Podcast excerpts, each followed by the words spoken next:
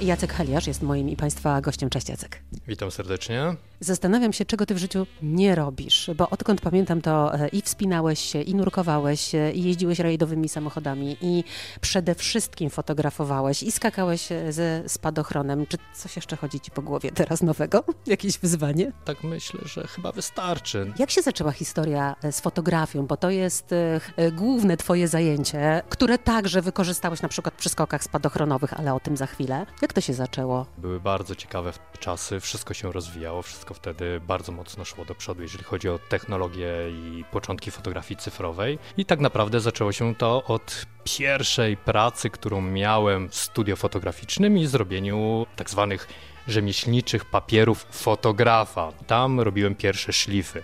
Dalej zrobiłem studia fotograficzne, e, znalazłem pracę w redakcji. Tam zrobiliśmy pierwsze zlecenia. Zaczynaliśmy właśnie z, z redakcją Men's Health, takie były początki. Ale wiesz co, e, ale nie siedziałeś w piwnicach i nie wywoływałeś zdjęć? Oj, siedziałem w piwnicach, wywoływałem zdjęcia. Te czasy już chyba nigdy nie wrócą, ale pamiętam je jako niesamowitą historię, coś mistycznego, tak. Jako amator y, zacząłem dość wcześnie i wykonywałem mnóstwo fotografii fotografii, która tak naprawdę szukałem swojej drogi. Szukałem y, tematu, w czym będę dobry. To jest fotografia pejzażowa, czy to jest fotografia portretowa. I myślę, że ona trwa, to poszukiwanie trwa do tej pory. No nie dziwię się, bo w przypadku artysty, czy w ogóle w przypadku różnych twórczych prac, trudno powiedzieć, żeby się osiągnęło to, co się chce prawda? Tylko to cały czas jest w procesie. I chyba najbardziej mi się to podoba w fotografii, że eksperymentuję. Masz taką swoją ulubioną fotografię? Jest ich dość wiele. Niewątpliwie uwielbiam zdjęcia ludzi czy dzieci w Afryce, czy tak jak wspomniałaś, zdjęcia ze wspinaczki y, na Mont Blanc, Kilimandżaro, czy chociażby fantastyczne ujęcia wykonane skydivingu. Jacek, e, ja pamiętam przepiękne zdjęcia Anety Kręglickiej, Miss Świata, kobiety doświadczonej, e, jeżeli chodzi o taki występ przed obiektywem. Jak wam się współpracowało razem? Była to niezwykle, jest to niezwykle interesująca, ciepła i dobra osoba, która młodemu, wchodzącemu w trudny okres i w trudny czas fotografii reklamowej, fotografikowi bardzo pomogła. Udała nam się fantastycznie ta sesja powstały przepiękne zdjęcia Nety Kręglickiej, które obiegły całą Polskę i ja byłem ogromnie zadowolony, przeszczęśliwy, że mogłem spotkać tą osobę w swoim życiu. No bo też takie osoby są trochę przepustką, prawda? Dokładnie, tak. Jacek, ile trwa skok spadochronowy? 60 sekund. 60 sekund. Ty musisz wyciągnąć aparat fotograficzny, złapać kadr i zrobić zdjęcie. Wiesz, no mnie to na lądzie zajmuje mniej więcej kilka minut. Tak to pozornie wygląda, ale tak naprawdę wchodzimy już w zupełnie inny etap y, fotografii i traktowania tej fotografii, traktowania rzeczy. Faktycznie podział jak gdyby percepcji jest y, ogromny tu musisz się wykazać już wysoką umiejętnością postrzegania rzeczywistości, to jest raz. Dwa, dbania cały czas o bezpieczeństwo. W końcu spadasz z prędkością ponad 200 km na godzinę i musisz w końcu ten spadochron otworzyć. Ale dookoła jest przecież całe piękno otaczającego nas świata, który chcesz zdokumentować. To są wyzwania. Yy, potrzebne było na to tysiące skoków tysiące. Ile oddałeś skoków, skoro o skokach e, mówimy, pamiętasz? Na pewnym etapie każdy skoczek prowadzi swoją książkę, tak zwany logbook. Potem y, komputer zastępuje właśnie analizę tej ilości skoków. A potem już się o tym stara nie myśleć. Od 4000 y, przestałem już liczyć i myślę, że ta cyfra idzie cały czas fajnie do góry. W przypadku zdjęć nie potrafię sobie wyobrazić, ile mogłeś ich zrobić terabajty. Archiwum fotografika czy filmowca to są ogromne ilości terabajtów materiału. Wracając do podstaw, jest to bardzo duże wyzwanie dla umysłu ludzkiego, żeby podzielić uwagę na wykonanie w prawidłowy sposób procedury związanej ze skokiem oraz wykonanie właściwych zdjęć. Trzeba znaleźć taką relację, żeby się w tym wszystkim nie zatracić, nie pogubić. A pogubiłeś się kiedyś i zatraciłeś? Początki bywały różne, wiadomo. Na przykład pamiętam, że e, w pierwszych jak gdyby moich przygodach tandem pilota, kiedy mam kamerę przypiętą do ręki, wykonuję skok, muszę dbać o bezpieczeństwo mojego klienta, klientki, e, wyskakuję z samolotu i kręcę, oczywiście kamerę wyciągam przed siebie, e, próbuję zaaranżować jakąś śmieszną sytuację, uśmiechnij się, no jak tu się uśmiechnąć spadając 200 km na godzinę i dziewczyna nagle myk łapie mnie za rękę i tą kamerę ściąga z ręki i wyrzuca. Spadła? Kamera spadła, nigdy jej nie znalazłem, nie było zdjęć oraz 10 wcześniejszych skoków wykonanych z innymi klientami, więc strata była dość spora. W całej swojej historii skoczkowej straciłem dość sporo sprzętu, ale te rzeczy zdarzają się teraz coraz rzadziej. Fotografuje ludzi, robi kampanie produktowe, lubi robić zdjęcia przyrody, przy okazji skacząc ze spadochronem, nurkując w głębinach czy wspinając się na najwyższe szczyty. Jacek Heliasz, fotografik i pasjonat, jest dzisiaj gościem e, Chwalimy Swoje w Radiu Wrocław. Jacek, e, boisz się czasem? Nie ma osoby, która się nie boi i w taki sposób klasyfikujemy ludzi, którzy mają normalne reakcje. Jeżeli mój klient się boi, to znaczy, że jest z nim wszystko ok. Co jest najważniejsze, żeby panować nad tym strachem i zdawać sobie ze wszystkiego sprawę. Od razu przypomina mi się też, pracując dla dość znanej marki, zabrałem prawie taką przysłowiową tonę sprzętu ze sobą w góry. Wspinaliśmy się wtedy na Kilimandżaro. Piękna wyprawa, świetni ludzie, super towarzystwo.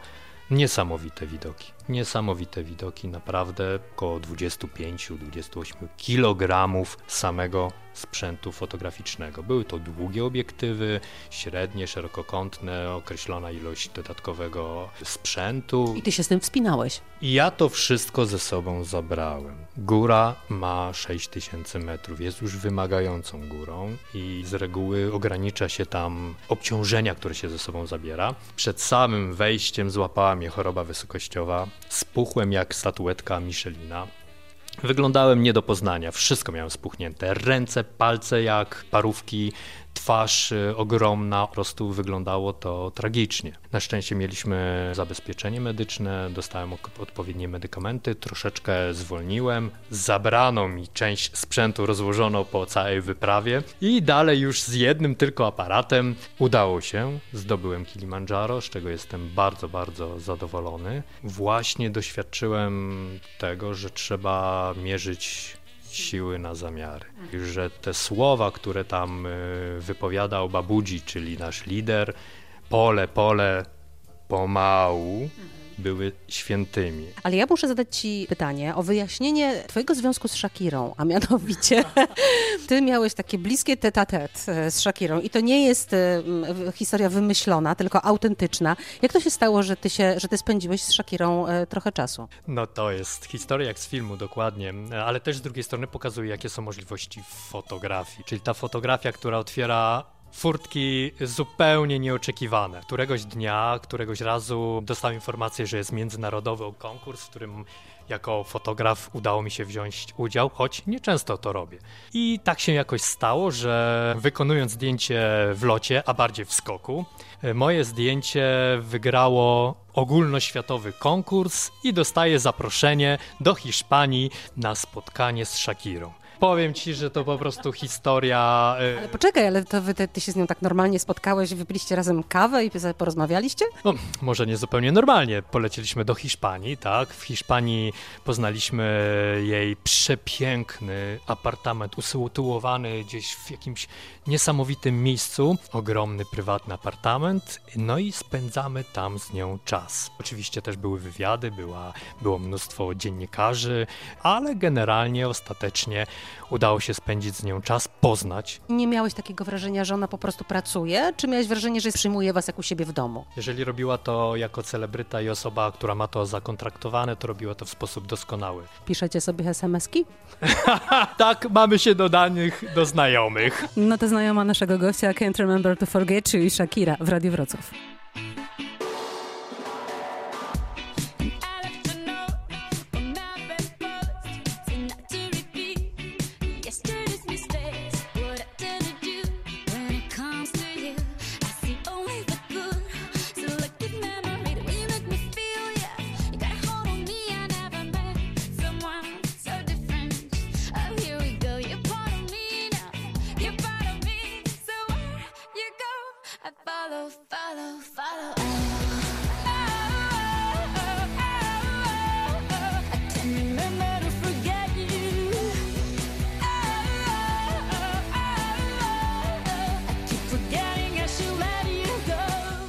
Chciałabym teraz e, porozmawiać o twojej wielkiej miłości, jaką jest Portugalia. To chyba nie jest częste. Jak to się stało, że ty trafiłeś na to portugalskie niebo? Y, Tak, masz rację. Nie jest to częste, że skydiverzy odwiedzają inne miejsca poza swoim terenem, w którym skaczą najczęściej, czyli w tym wypadku Polskę, ale zaczynają to robić coraz częściej. Uprawiają tak zwaną turystykę skydivingową. Ja tak zrobiłem 4 lata temu. Absolutnie zakochałem się w miejscu, w którym y, tego czasu spędzałem tak naprawdę każdy możliwy miesiąc. Jaki rejon? Właśnie Lizbona? Rejon Algarve, jeden z najpiękniejszych rejonów, jakie udało mi się poznać w Portugalii. Tam zaprzyjaźniłem się ze strefą e, skydivingową, na której udało mi się wykonać ogromną ilość skoków, tak zwanych kampów, szkoleń spadochronowych.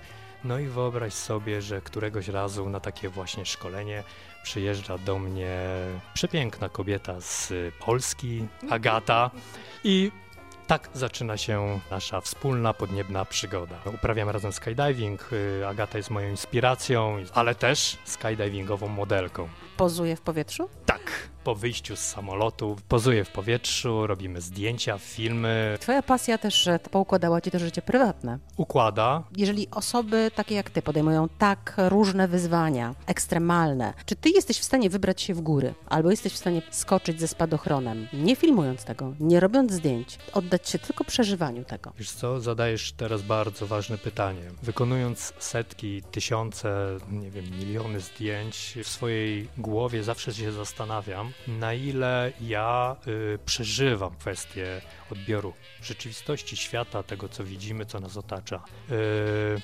nie wiem, czy potrafiłbym, ale chciałbym i dochodzę też do takiego momentu w swoim życiu, że chciałbym spróbować zacząć na to wszystko patrzeć po prostu swoimi oczami, nie rejestrując to przez kamerę, aparat. Będę starał się teraz nad tym pracować. Dziękuję bardzo. Dziękuję bardzo.